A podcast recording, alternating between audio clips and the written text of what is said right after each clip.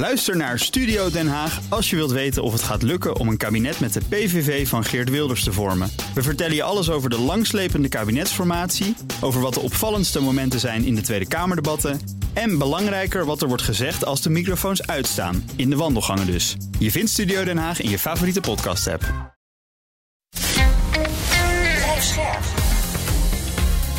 BNR Nieuwsradio. Boekenstein en de Wijk.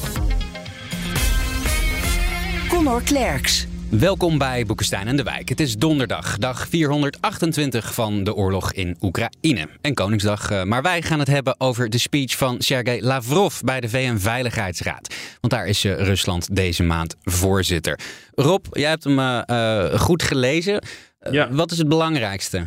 Nou, het interessante hiervan is natuurlijk dat Lavrov georganiseerd heeft een, een bijeenkomst over effectief multilateralisme Hm. gebaseerd op de uitgangspunten van het handvest van de Verenigde Naties. Hè. Dus als je voorzitter bent van uh, de Veiligheidsraad, dan mag je ook een aantal uh, dingen organiseren en agenderen. En dit was er eentje.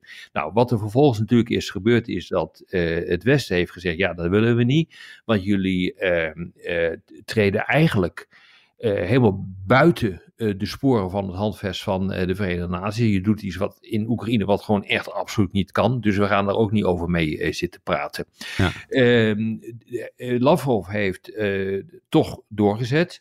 Uh, heeft een speech daar gehouden. Is trouwens keurig uh, te vinden, die speech, op uh, zijn website. De website van het Russische ministerie van ehm, Buitenlandse Zaken. Ja, je vindt hem ook heel makkelijk als je googelt Lavrov UN speech. Dan krijg je ja, exact. Link. Ja, je krijgt hem onmiddellijk. En kijk, hij zit natuurlijk helemaal in lijn ook van Poetin.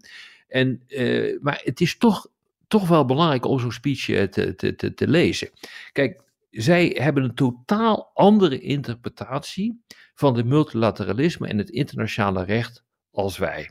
En dat legt hij keurig uit in die speech. Nou, heel kort gezegd komt het erop neer dat wij vinden het internationale recht, dat is het hele systeem van het handvest van de Verenigde Naties, van uh, het internationale recht wat uh, voorts uh, nog geschreven is, maar ook van de internationale instituties, waaronder inderdaad die VN, maar ook het, uh, het Internationaal Monetair Fonds, ja. uh, de Wereldbank. Dat is één groot uh, systeem van, van internationaal recht en dat vormt de rules-based, dus de op regels gebaseerde internationale betrekkingen. Daarvan zegt hij, jullie Europeanen, jullie Amerikanen, die zorgen nu voor dat je eigenlijk gewoon die regels allemaal naar je hand probeert te zetten.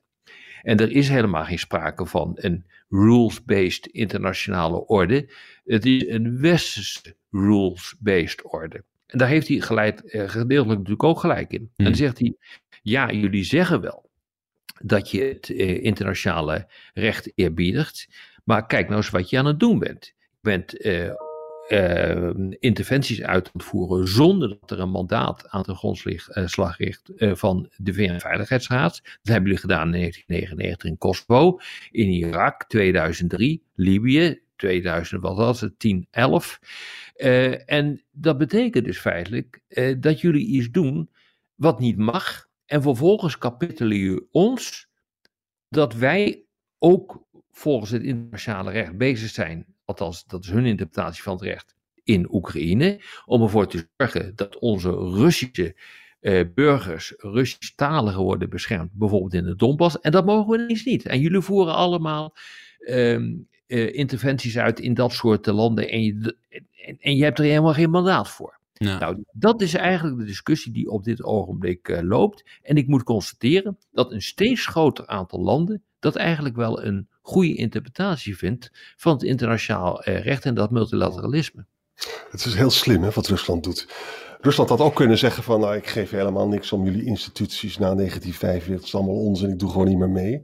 Nee, zij presenteren zich als de hoedster van die multilaterale instituties, de Wereldbank en de IMF, noemen ze maar op. Hè? Ja. Ja. En het VN ook met name. Hè? Nee, jullie hebben het kapot gemaakt. Het is ontzettend slim wat hij doet. Het is een jijbak continu. Het is een jijbak continu. Kijk, niemand, wie heeft eigenlijk de westerse minderheid de toestemming gegeven om te spreken uit naam van de mensheid. Het is een prachtig Lavrov-zinnetje. Dus zo gaat het maar door. Hè?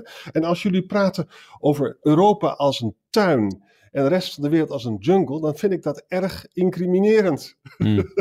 Ja.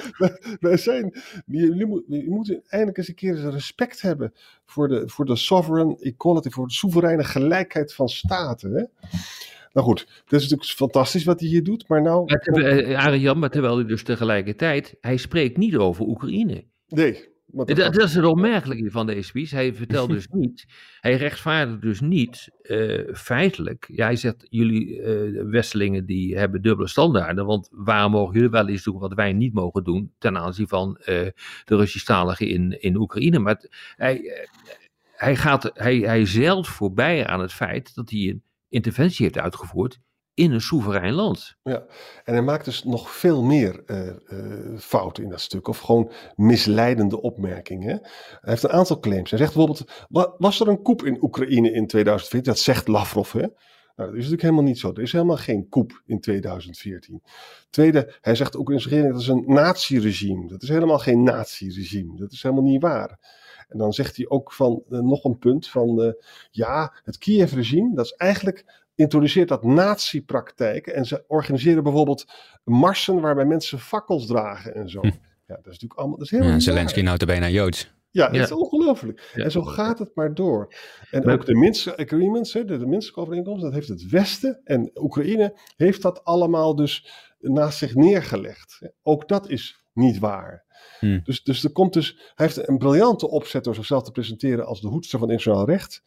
Eh, maar eh, ondertussen zegt hij dus allemaal dingen die volkomen in strijd zijn met hetzelfde internationaal recht. En Ja, dat klopt. Maar goed, het punt is natuurlijk, dat heeft het Westen ook gedaan. Ik heb me eerlijk Ja. gezegd ook altijd gestoord eh, aan dat, dat die morele praat van westerse regeringen, om vervolgens met het, ja, met het niet honoreren, niet eerbiedigen van het internationale recht, interventies uit te voeren, die vervolgens ook nog eens een keer op, in een aantal gevallen op niks uitliepen. Eh, ik, dat, ik heb me altijd ook daaraan gescoord, eh, gestoord. En je ziet nu, en ik heb ook altijd gezegd, van eh, als dat gaat gebeuren, op een gegeven moment krijg je de rekening daarvan gepresenteerd. En daarom is het zo'n interessant stuk. Ik ben het ook niet mee eens met wat hij allemaal opschrijft, maar dat doet er even niet toe.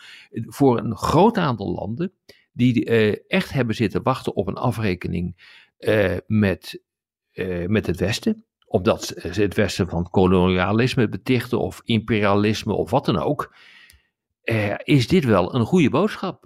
Eh, en je ziet dus ook dat hij zegt van ja, moet je eens kijken, jullie Westelingen zijn nu ook bezig om de NAVO uit te breiden eh, in de richting van de Indische Oceaan. Want ook daar vind je dat je wat moet doen. Kijk eens naar dat AUKUS-pact tussen Amerika, de Britten en de Australiërs over die onderzeeboten. Eh, nou, ga zo maar door.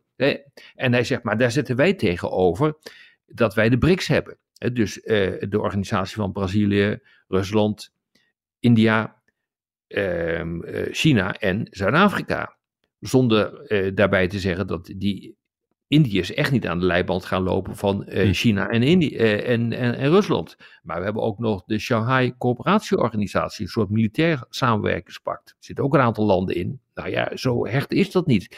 We hebben de, het gemene best van soevereine staten. Rusland met zijn oude satellieten uit de Sovjet-tijd, maar dat dreigt op dit ogenblik ook uit elkaar eh, te vallen. Eh, Dus ehm, je, kan er een boek over schrijven. Het, eh, het lijkt te kloppen, maar het klopt niet. Maar de essentie is, en dat is toch wel heel beroerd, en dat kunnen we niet genoeg benadrukken, dat het verhaal van Lavrov, waarbij hij alles omdraait, hè, dat het Westen die internationale orde heeft eh, kapot gemaakt, doordat het allemaal interventies gedaan heeft die niet gesteund werden door een VN-resolutie. ja, dat is dus waar voor Kosovo, voor Libië, voor Irak. Het is gewoon een sterk argument. Ja. En dat Ja. vindt ontzettend veel eh, wederhoor. Lula vindt het geweldig, dat verhaal. Eh, Ja. Zuid-Afrika ook en de andere Afrikaanse staten ook. India stiekempjes ook wel, denk ik. Ja, wat je, wat je hier ziet is een aanval op eh, het westerse moralisme, het vengetje dat altijd geheven wordt. Van wij Ja. weten wat goed is voor de wereld Ja. en daar wordt hiermee afgerekend. Eh, ik, ik, ik denk dat veel mensen zich niet realiseren hoor, wat, dat hier iets aan de hand is eh, dat zo ongelooflijk ten nadele van het Westen is, dat we daar echt eens een keer goed over moeten spreken. En Hmm. nou ja, dat is ook de reden waarom ik het wel fijn vind dat we nu zelf de mogelijkheid hebben daar om, uh, daarover uh, te spreken. Want dit is wel redelijk cruciaal, omdat wij denken uh, dat een groot deel van de wereld het echt gewoon met ons eens is. Want wij hebben het ook altijd over de internationale gemeenschap. En we moeten, wij spreken namens de internationale gemeenschap. En de internationale gemeenschap moet dit en moet dat. Maar tegelijkertijd moet je constateren dat het aantal landen dat meegaat in de totale veroordeling en de isolatie van Rusland en alle sancties, dat is zeer beperkt. Dat zijn er een ja. stuk of veertig. Ja. Rob, wat zijn nou de, de, de, concrete gevolgen hiervan? Want als je zegt uh, het, het, sentiment verandert dus. En, en, veel landen die zijn het eigenlijk, die zijn misschien wel blij dat het Westen een keer terecht gewezen wordt. Aan de andere kant is Amerika natuurlijk nog steeds gewoon die superpower. En, en, en kunnen ze dus nog steeds militair een hele hoop maken. Wat, wat verandert deze retoriek? Nou ja, ze kunnen een hele hoop uh, maken, maar tegelijkertijd ook niet meer. Kijk, zijn de, de, de belangrijkste zin is uh, uit dit stuk, is dat door het Westen natuurlijk, maar het Westen zal zeggen, ja, dat, dat, komt, door het, dat komt door Rusland, dat die mondialisering, die ons ongelooflijk veel welvaart en veiligheid heeft gebracht, dat die kapot wordt gemaakt. En dat we nu op in een situatie zijn terechtgekomen. en dat is wat uh, Lavrov uh, zegt. En dat hebben ook veel media eruit gehaald. Dat de wereld zoveel gevaarlijker is geworden dan tijdens de Koude Oorlog. Dan dat, dat je ervan uit moet gaan dat wij nu drempels overgaan met enorme consequenties. En dat is zo. dit is een speech waarin duidelijk wordt gemaakt dat de wereld in kampen uiteenvalt dat die kampen tegenover elkaar eh, staan. China wordt niet genoemd, maar dat is natuurlijk ook een kamp. Ja. En dat dat tot, tot clashes kan uh, leiden en uh, tot instabiliteit kan leiden, die we zelfs tijdens de Koude Oorlog niet gezien hebben. En daar heeft hij gewoon gelijk in.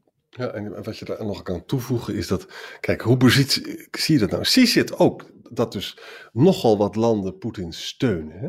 Dus zie zit dat als je een uh, middeleeuwse oorlog doet en je gaat allemaal mensen platbranden en kapot schieten en ga zo maar door, dat je er toch mee wegkomt in de wereld ja. voor een groot deel. Nou ja, het, ja. Inderdaad. En kijk, hij zegt de oplossing is, en wie is het daar niet mee eens?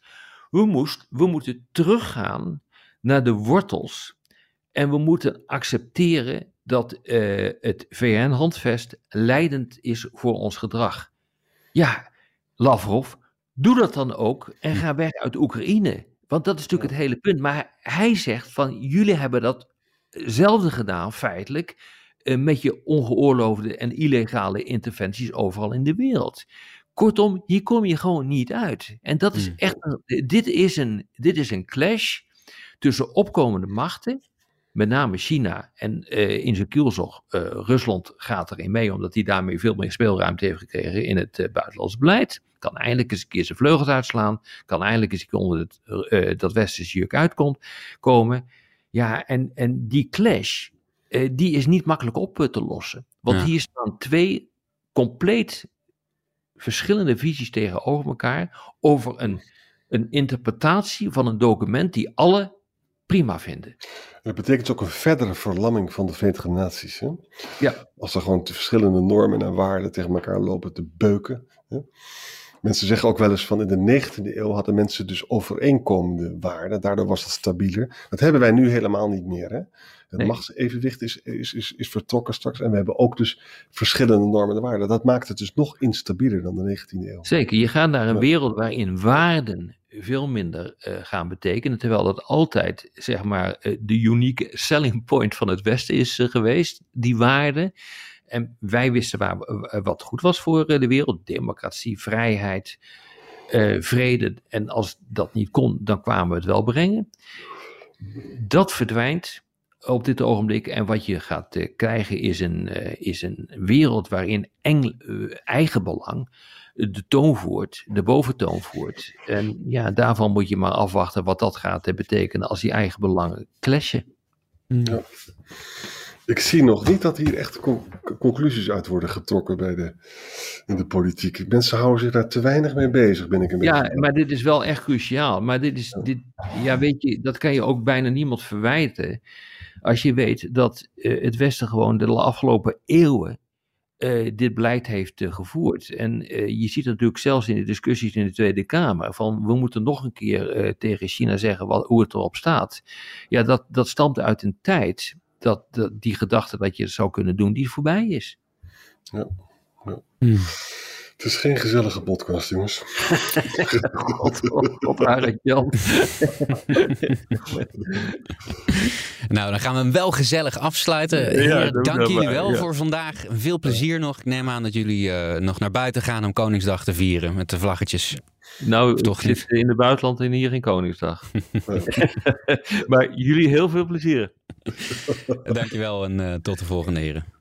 Tot morgen. Ook Hugo Reitsma vind je in de BNR-app. Superhandig die BNR-app. Je kunt alle programma's live luisteren, breaking nieuwsmeldingen. Je blijft op de hoogte van het laatste zakelijke nieuws. En je vindt er alle BNR-podcasts, waaronder natuurlijk de belangrijkste, Boekenstein en de Wijk. Download nu de gratis BNR-app en blijf scherp.